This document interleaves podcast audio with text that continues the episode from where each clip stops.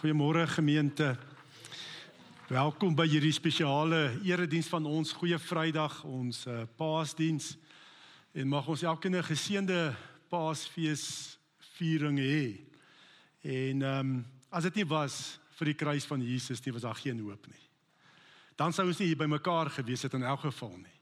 Dis net deur die kruis en ons weet die verskriklike lyding wat Jesus deurgegaan het, maar wat vir ons die lig gebring het, wat vir ons die lewe gebring het en dit is om oor fees te vier. En mag jy ook in jou situasie, wat dit ook al is, ervaar net die hoop van die kruis van Jesus, die die lewe wat vloei deur die kruis van Jesus. Ehm um, ek moet sê as dit nie was vir die kruis van Jesus nie, Ek weet nie hoe sou mens met hoop kon voortgegaan het of geleef het nie. Ehm um, ek dink almal weet nou van my my broer wat oorlede is. Ehm um, Sondag wat verby is en in in hierdie tyd dis wat mens krag gee. Dis die enigste hoop wat daar is, die ewige lewe. En ehm um, ek loof en prys die Here net. Ehm um, hy ek weet hy het ons net vooruit gegaan. Dit was nie die einde nie. Hy het ons net vooruit gegaan en hy die ewige, die wonderlike erfporsie gekry uh, wat Christus vir hom ook voorberei het. Ehm uh, mag elkeen van ons dan ook so hoop ervaar in die Here ons God groet jou vanoggend met sy seën. Genade, barmhartigheid en vrede word ryklik geskenk van God ons Vader en ons Here Jesus Christus deur die kragtige werking van die Heilige Gees. Amen. Dankie Abba Vader dat ons kan uitroep haleluja, haleluja, haleluja vir dit wat u gedoen het, vir dit wat u elke dag nog steeds vir ons doen. Maar Vader, dat u ook duisende jare se profeseë tot vervulling gebring het. Dat wat u gesê het is. Dat wat u gesê het gebeur het. Dat wat u gesê het tot vervulling gekom het en dat ons kan weet dat u woord waar is. Dat Christus Christus gekom het vir 'n rede en dat daai rede tot vervulling gekom het. Dankie Vader dat U dit so pragtig beplan het. Dat ons vandag nog steeds kan sê haleluja, haleluja, haleluja. In Jesus se wonderlike naam. Amen. Die skriflesing kom uit um, Markus 15 vers 21 tot 41. Markus 15 vers 21 tot 41 en ons fokusvers is vers 39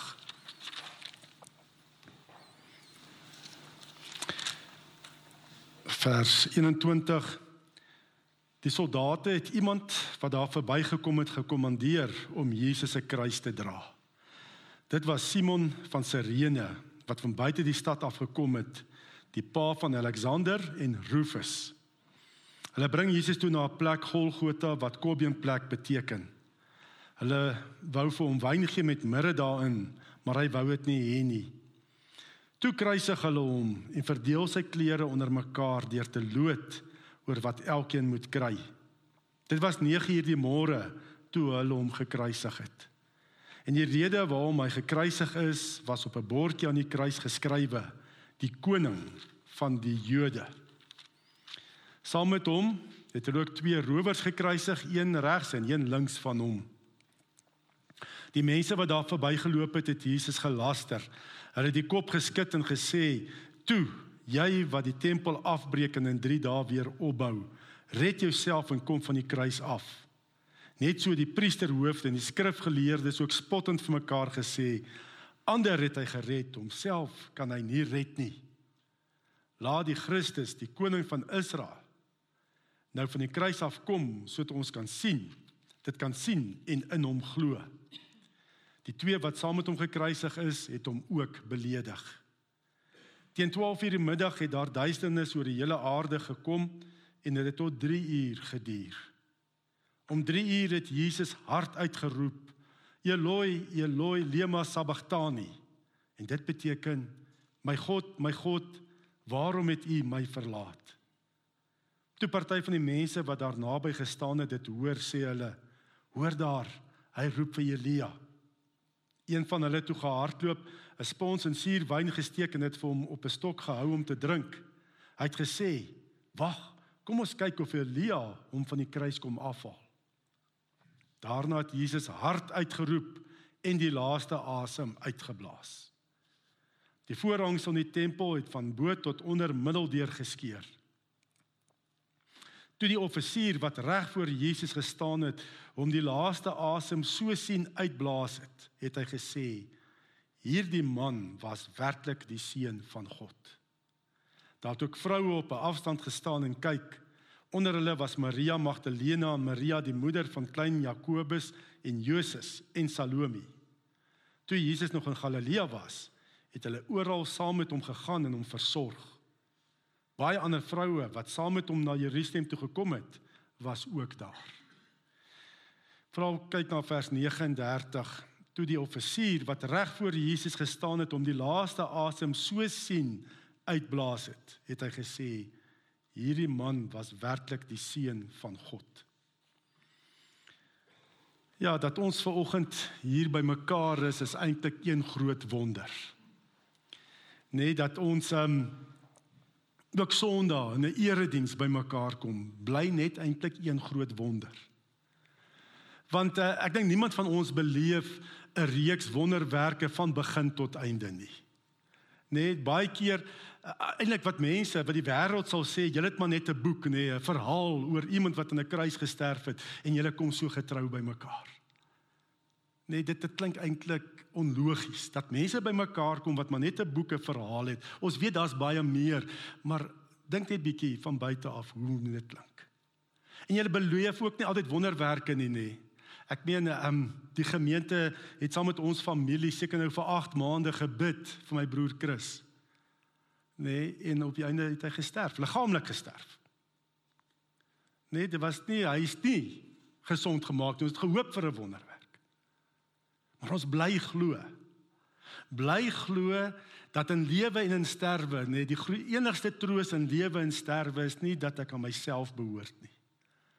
Maar aan my hemelse Vader, duur gekoop met die bloed van Jesus. Ons bly dit glo.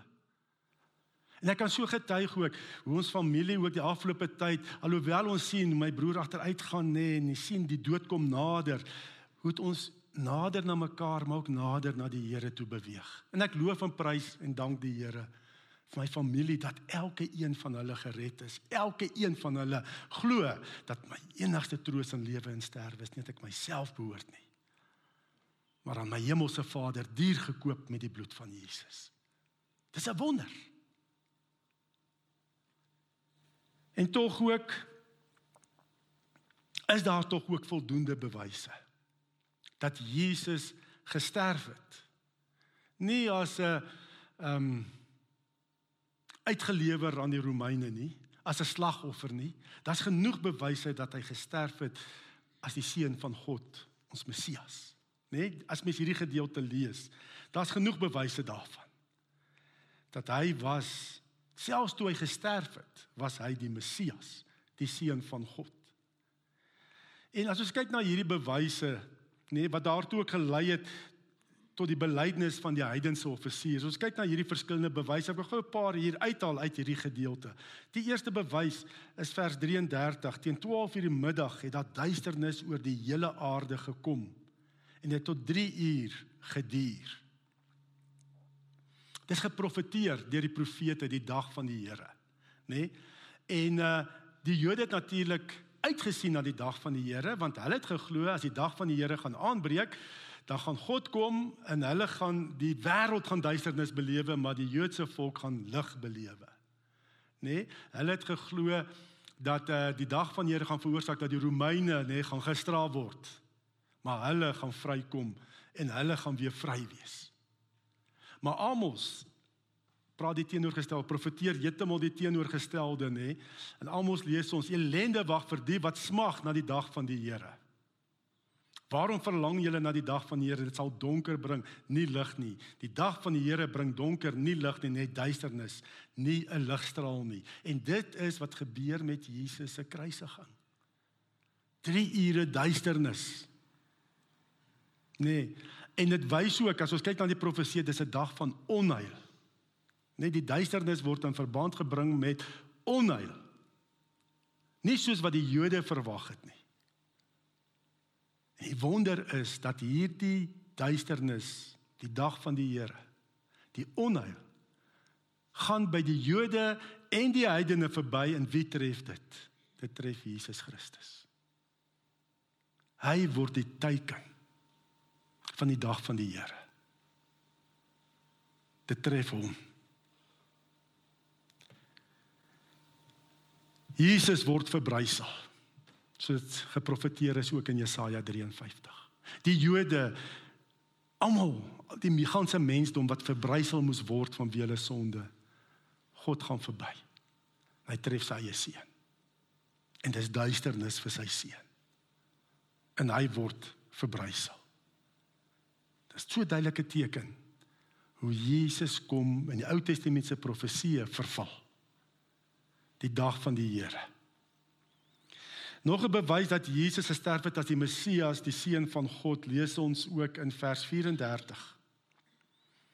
Om 3 uur het Jesus hard uitgeroep: "Eloi, Eloi, lema sabachthani." Dit beteken: "My God, my God, waarom het U my verlaat?" Hierdie gebed van Jesus is ook 'n aanhaling uit Psalm 22 vers 2. En die hele Psalm 22 gaan daaroor lyding wat iemand moet verduur ter wille van die sonde van ander. En dis wat Jesus kom vervul het. Nee, lyding wat hy verduur het ter wille van ander, ter wille van die Joodse volk, van die heidene, van ons. En as Jesus hierdie gebed bid, is nie omdat hy gewonder het wat gaan nou gebeur nie of hy was verbuisterd nie. Hy het geweet dit gaan gebeur. Hy het geweet hy kom om dit te vervul, die Ou Testamentiese profesie. Selfs in Getsemane nê, het hierdie besef, ek dink om om om liggaamlik te sterf aan die kruis is verskriklik, alreeds verskriklik. Maar die grootste lyding wat op Jesus gewag het, was om van sy hemelse Vader, van sy God, van sy Vader verwyder te wees. Dit is die helse dood. Om van God verwyder te wees dat God die Vader in daai 3 ure duisternis al sy genade en liefde van sy seun, ons weet nie hoe dit werk nie, maar dit is bo natuurlik, het hy onttrek van sy seun.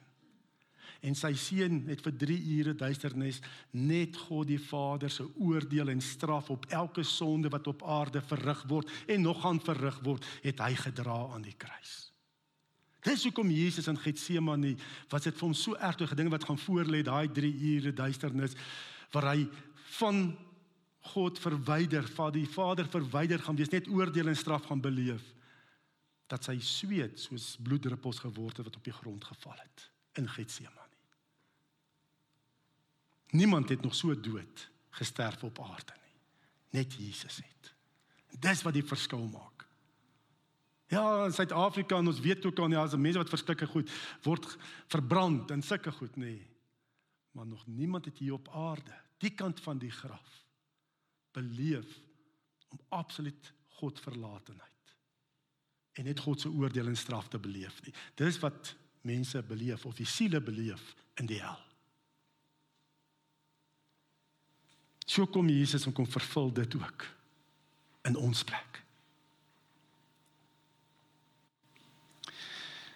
En dan nog vers 37, nog 'n bewys dat Jesus gesterf het as die Messias, die seun van God. Lees ons in vers 37. Daarna het Jesus hard uitgeroep en die laaste asem uitgeblaas. In sy doods oomblik waar hy liggaamlik sterf het hy hard uitgeroep. Ek weet nie of jy al by die sterwensbed was van iemand. Ek kan vir jou sê as jy sterf aan die kruis vanweë jou liggaamlike wonde, het jy nie krag om hard uit te roep nie. Jou asemhaling word net ligter en vlakker en vlakker en swakker totdat daar weg is. Jy het nie krag om hard uit te roep vanweë die bloedverlies en die dinge nie.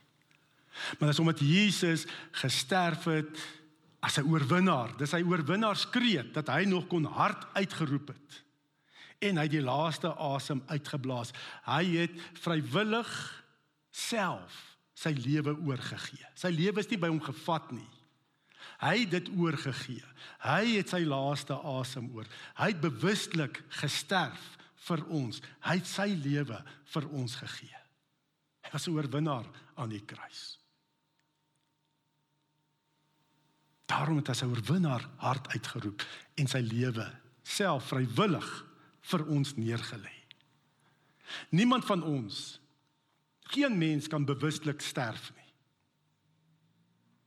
Ek het uh, gelees so 'n paar jaar terug van 'n sogenaamde profeet in die ou apostelkerk wat die dag van sy dood voorspel het en toe sy dag aangekom en toe hy probeer sterf. Probeer sy laaste asem uitblaas.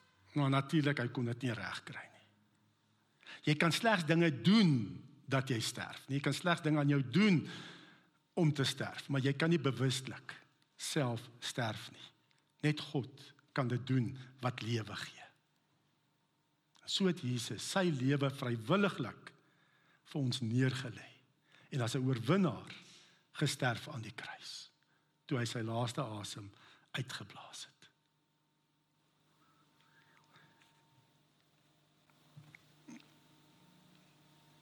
En dan vers 38 nog 'n bewys. Die voorhangsel in die tempel het van bo tot onder middeldeur geskeur toe Jesus gesterf het. En wat was die voorhangsel? Dit was 'n dik gewefde gordyn wat in die tempel gehang het en wat uh, die heilige deel en die allerheiligste deel van mekaar geskei het. Die heilige deel was waar die priesters hulle seremonies en priesterlike handelinge gedoen het. En net een keer 'n jaar kon die hoëpriester die allerheiligste gedeelte ingegaan het om daar verzoening te doen vir die volk se sonde. En dit was so erg gewees God het homself afgeskei van wie van die mensdom. Eerstens van sy volk en natuurlik die res van die mensdom. Ehm um, in die heilige deel mag net die priesters gekom het. Die gewone Jood kon nie eens daar gekom het nie. En in die tempel terrein kon net die Jode gekom het, die heidene kon nie eers daar gekom het nie. En in die allerheiligste deel het God hom heeltemal afgeskei van wie die mensdom se sondes en sy volk se sondes. Sodat die hoofpriester net een keer 'n jaar allerheiligste God se teenwoordigheid kon ingaan om daar verzoening te doen vir die volk se sondes. Nou dink maar net, ek kon maar net dink toe Jesus gesterf het en daai dik gordyn skeur van bo na onder, nê? Bo na onder, nê? God doen dit, nie van onder daar bo nie. God skeur hom, nê? Ek kon net dink hoe daai priesters geskrik wat daar besig was met die toonbrode en kandelaar en vir hulle moes verskriklik geskrik het.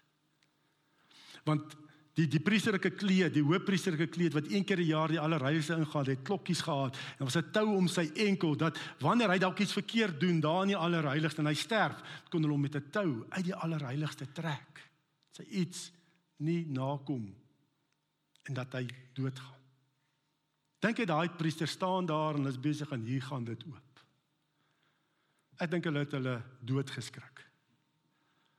Ek het al vertel ons het 'n kantoordame gehad en dit was nie Ankie nie, dit kan julle verseker weet.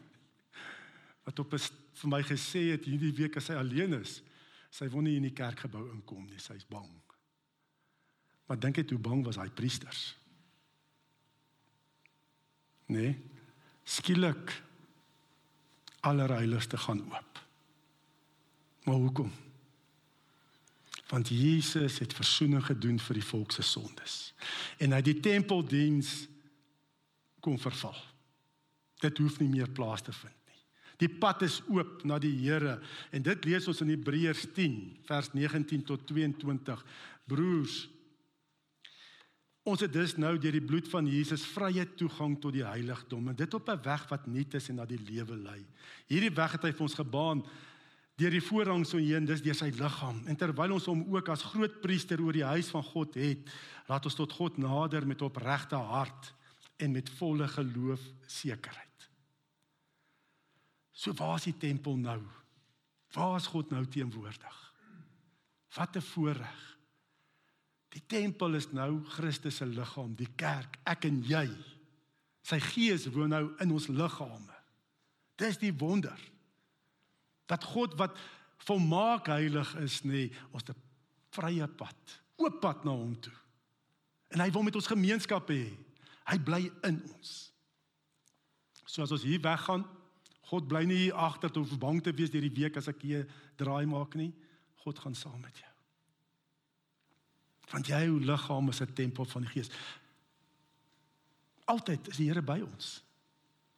Ons wat glo in hom, in Jesus as die Messias, die seun van God. Wat 'n voorreg het ons. Maar ons weet ook dat nie almal wat die evangelie hoor glo nie. Nie eers in daai tyd toe Jesus gesterf het, nee, almal om die kruis wat dit gesien het wat alles gebeur en gehoor het en het eers geglo nie. Wat so interessant is, die ehm um, selfs die die die die priesterhoofde, die skrifgeleerdes, die Jode wat rondom die kruis staan, het dit nie gesien nie. Net dis 'n wonder. Wie sien dit eerste? Wie erken eerste daar om die kruis? 'n Heidense offisier. 'n Heidense offisier en dan lees ons ook die vroue wat Jesus gevolg het. In daai tyd jy lees van geen disipel hierson nie. Jy lees net van die vroue en 'n klomp ander vroue wat hom ook gevolg het. Daai tyd van wie Eva se sonde nê was vrouens se status net bo kan slawe en kinders gewees. Wat wys God? Jesus se sterwe aan die kruis het ook betaal vir vir Eva se sonde en die vrou se posisie is herstel deur die kruis van Jesus. En dat 'n heidense offisier wat nie eers in die tempelterrein kon kom nie en die vroue wat so laag geag is deur die gemeenskap. Hulle is die mense wat glo. Dat Jesus, die eerste wat glo dat Jesus is die Messias, die seun van God. dan so sien sterf. En dit is natuurlik en dit is baie belangrik dat ons sal besef en dit moet raak lees dat 'n heidense offisier die eerste belydenis gemaak het vers 39 toe die offisier wat reg voor Jesus gestaan het hom die laaste asem so sien uitblaas het dat hy gesê hierdie man was werklik die seun van God. Dis 'n gevolg van die kruis van Jesus dat ons as heidene nê nee, wat nie Jode is nie gered kan word. Dis 'n vervulling van Jesus se profetiese woorde voor sy kruisiging. Want ons lees ook in 'n uh, in 'n um, ja, dat Jesus in dis ook 'n vervulling van Jesaja 53 vers 5 natuurlik. Ek ek dink 'n Jood wat Jesaja 53 lees nê. Nee, moet 'n binne 'n worsteling in homself of haarself hê, nê, nee, wat ek weet nie hoe kom hulle daaroor nie. In die afgelope tyd hoor mense van al hoe meer Jode wat kom tot geloof in Jesus. Want Jesaja 53 praat prontuit direk van Jesus. Oor ons oortredings is hy deurboor, oor ons sondes is hy verbrysel. Die straf wat vir ons vrede moes bring was op hom. Deur sy wonde het daar vir ons genesing gekom. Dit is die evangelie, dis die kern van die kruis van Jesus. En Jesus het kom doen. Hy het absoluut kom vervul. En daarom is dit dan ook 'n heidense offisier. Want ons moet ook verstaan Jesus die die beloftes in die Ou Testament was eers gemaak aan die Jode as God se volk. Aan Israel en die Jode as God se volk. So Jesus moes eers na die Jode toe gaan om die evangelie vir hulle te bring. En eers as hulle hom verwerp het, nê, gaan die koninkryk van God ook na die heidene en na al die nasies toe. Want ons lees in uh, Markus 7 dat 'n uh, Griekse vrou kom na Jesus toe en sê asseblief my dogtertjie nee sy is met 'n uh, bose gees uh, het haar besit besit geneem van haar bevry haar En dan sê Jesus vir haar: "Wag dat die kinders eers klaar eet, want dit is nie mooi om die kinders se kos te vat en dit vir die hondjies te gooi nie." Onthou die heidenes gebreken vir 'n Jood as laer soos 'n hond. En maar sy was 'n gelowige, so absolute gelowige hierdie Griekse vrou sê ja, maar die hondjies eet daarom van die oorskiet kos onder die tafel van die kinders. En toe is sy haar dogter ook bevry van die bose gees. Maar verstaan, Jesus moes eers net op die Joodse volk gefokus het. Die koninkryk van God vir hulle te bring. En toe hulle hom verwerp het en hom laat gesel het en hom laat kruisig het. Nee, toe hulle hom so verwerp het, nee, toe breek 'n nuwe bedeling aan. Dat die koninkryk van God ook na die heidene toe gaan. Na al die nasies op die aarde. En daarom is dit 'n heidense offisier wat eerste bely, nee, hy is werklik die seun van God. Alles God se plan. Alles is so pas so in mekaar. Dit is daar, die bewyse is daar. 'n Gevolg van Jesus se kruis is dat die evangelie ook nou na ons toe kom. Ons is ook deel van die koninkryk van God. Ons almal wat bely Jesus is werklik die seun van God. Dis nou vir ons. En ons geloof dat ek en jy glo meer as 2000 jaar later dat ons glo in Jesus as die seun van God, die Messias, is 'n wonder. En dis 'n wonder van die kruis van God, kruis van Jesus. 'n Wondergevolg van die kruis van Jesus nuwe bedeling, 'n bedeling waar die Gees dan ook uitgestort word soos Jesus sê in Handelinge 1 vers 8, maar julle sal krag ontvang wanneer die Heilige Gees oor julle kom en julle sal my getuies wees in Jerusalem, sowel as in die hele Judea en in Samaria en tot in die uithoeke van die wêreld. Nee, ons het die Gees om te getuig. So hierdie goeie Vrydag is nie net om te hoor hoe wonderlik die ewige lewe, dit wat ons het in Christus nie. Dit sit ons ook in beweging. Dat laat jou en my ook uitgaan om die evangelie te bring aan elke mens met wie ons te doen kry. Om te getuig om Jesus se liefde te lewe. Dis wat goeie Vrydag gaan. Ons moet uitgaan. Gaan getuig van Jesus. En ek ek besef net elkeen getuig so op sy eie manier van my broer. En ek het net beleef ook die afgelope tyd, net so het ook staan in dinge Psalm 116 wat staan die die dood van 'n kind van God is geen geringe saak vir hom nie. Het ek ook beleef met die reaksie na die dood van my broer. En ek sê vir julle ook almal dankie vir daai bemoedigende boodskappe. Ek kon agterkom hierdie sy liggaamlike dood was geen geringe saak vir God ook. En dit is nie net van die gemeente en gelowiges nie, maar selfs van wêreldse mense. Ek is deel van 'n um 'n weermag WhatsApp groep waar hy 'n eenheid waar hy lank gedien het. Hoe almal reageer. Sou sê is nou harde ouens en sulke goeters nie. Hoe hulle reageer. En hoe die Here hom ook gebruik het om die evangelie te dra op sy stil, nederige manier. Het die Here hom kragtig gebruik. En dit troos my. En ek weet hy's net vooruit. En dit bemoedig ons ook. Ons moet aangaan. Die evangelie van Jesus Christus. Seun van God. Nee, moet ons aan die gang kry. En ons moet uitgaan. En ons moet gaan verkondig, ons moet vertel. Daarom het God sy gees aan ons gegee. Dat ons ja sal sê om uit te gaan en die evangelie te verkondig. En as ek nou nagmaal gebruik vra dat die Here jou deur die nagmaal sal versterk, jou geloof sal versterk. Dat jy nie bang sal wees om te getuig vir hom nie. Nee, want eh, want baie keer is ons bang maar mense sal my spot. Mense sal my uitskuif, wat ook al nê. Maar dit spreek eintlik van klein geloof in Jesus as die seun van God. Kom ons gebruik hierdie nagmaal dat die Here ons geloof kom versterk en dat ons met vrymoedigheid sal getuig. Want soos ek al genoem het, net daar's net twee situasies waarin jy moet getuig vir die Here. En wat is dit? Wian, wanneer moet jy getuig vir die Here? Wanneer?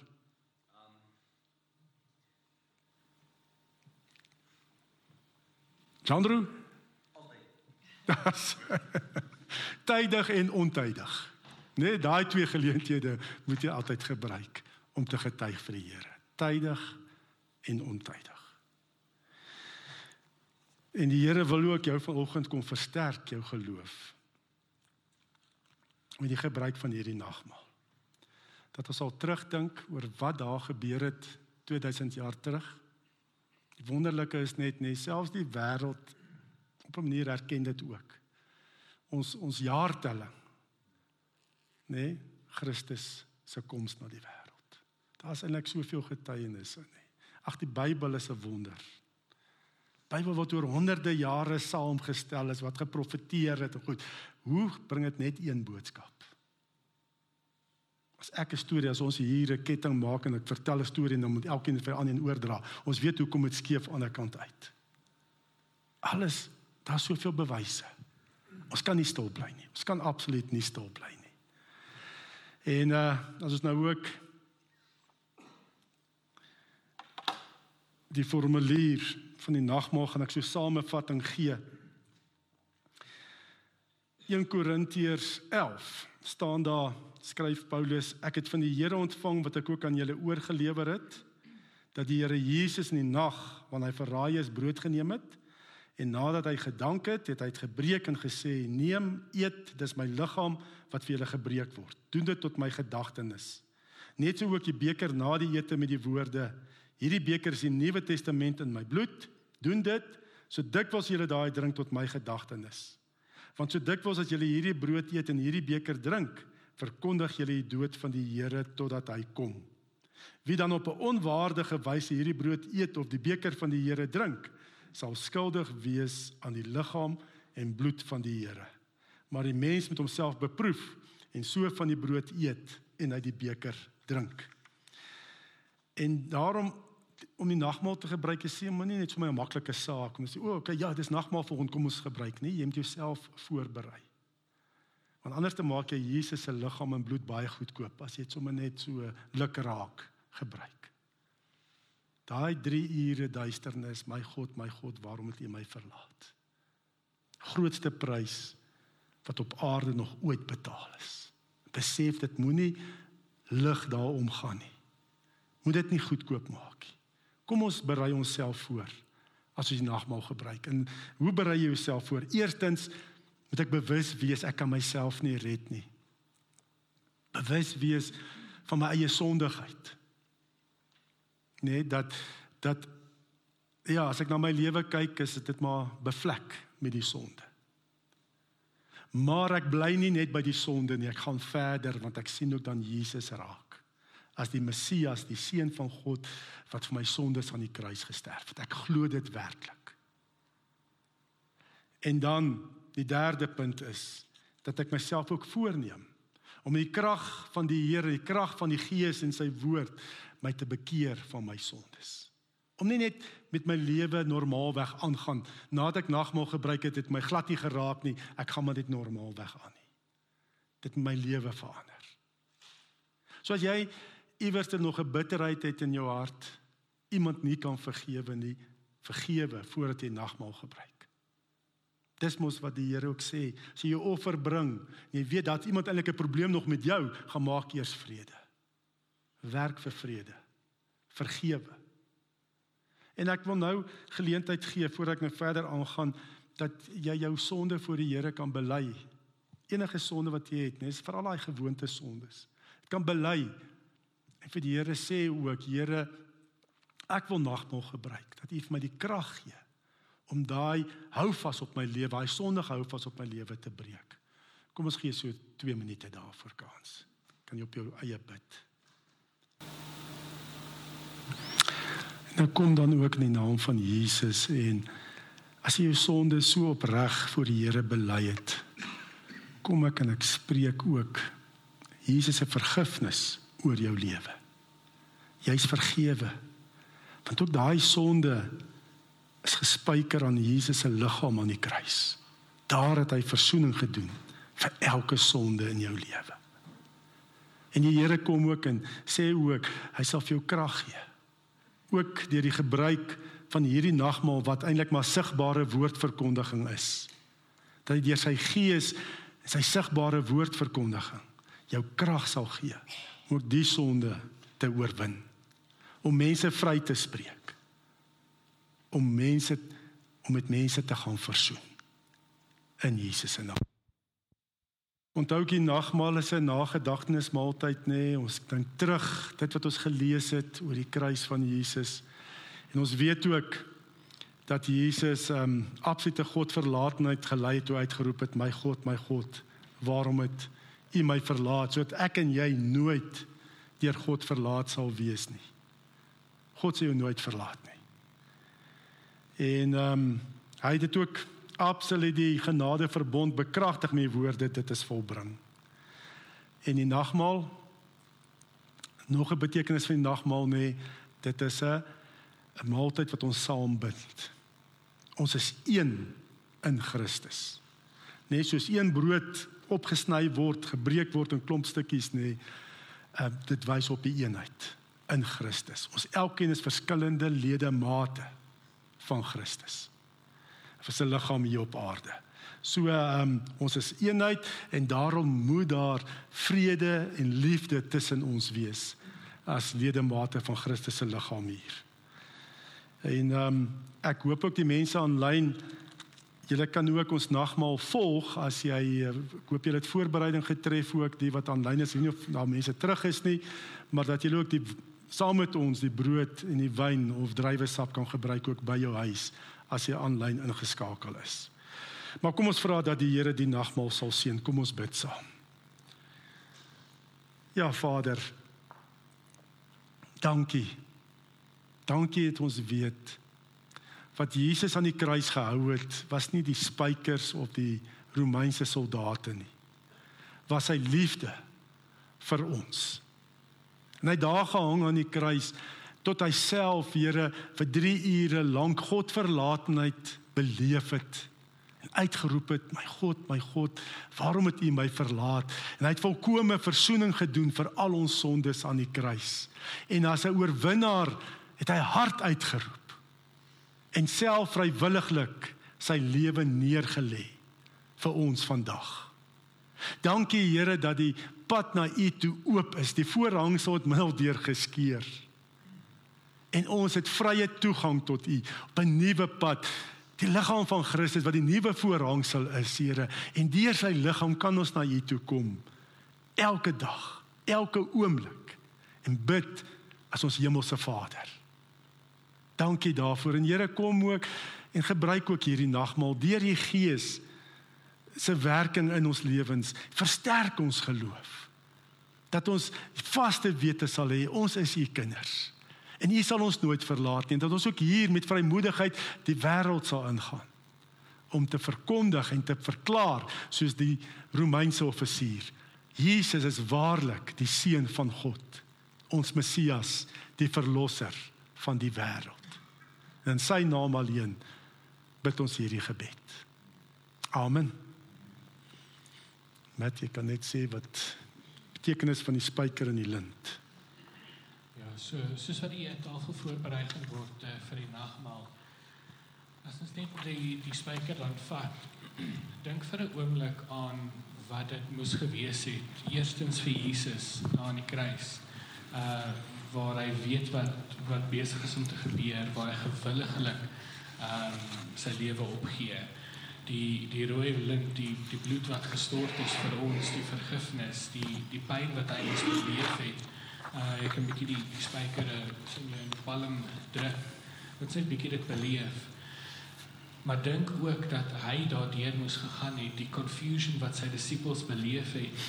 Almal sien emosies daar rondom, maar dat ons ook daarvan af kan beweeg tot die nagmaal. Tot wat uh wat ons nou gaan vier, die die liefde wat wat daardeur kom. Ehm um, dat ons die nagmaal kan vier. Ehm um, en dan soos wat ons hierdie liedjie sing, die diaken sal sal tussendeur uh die tafel voorberei. love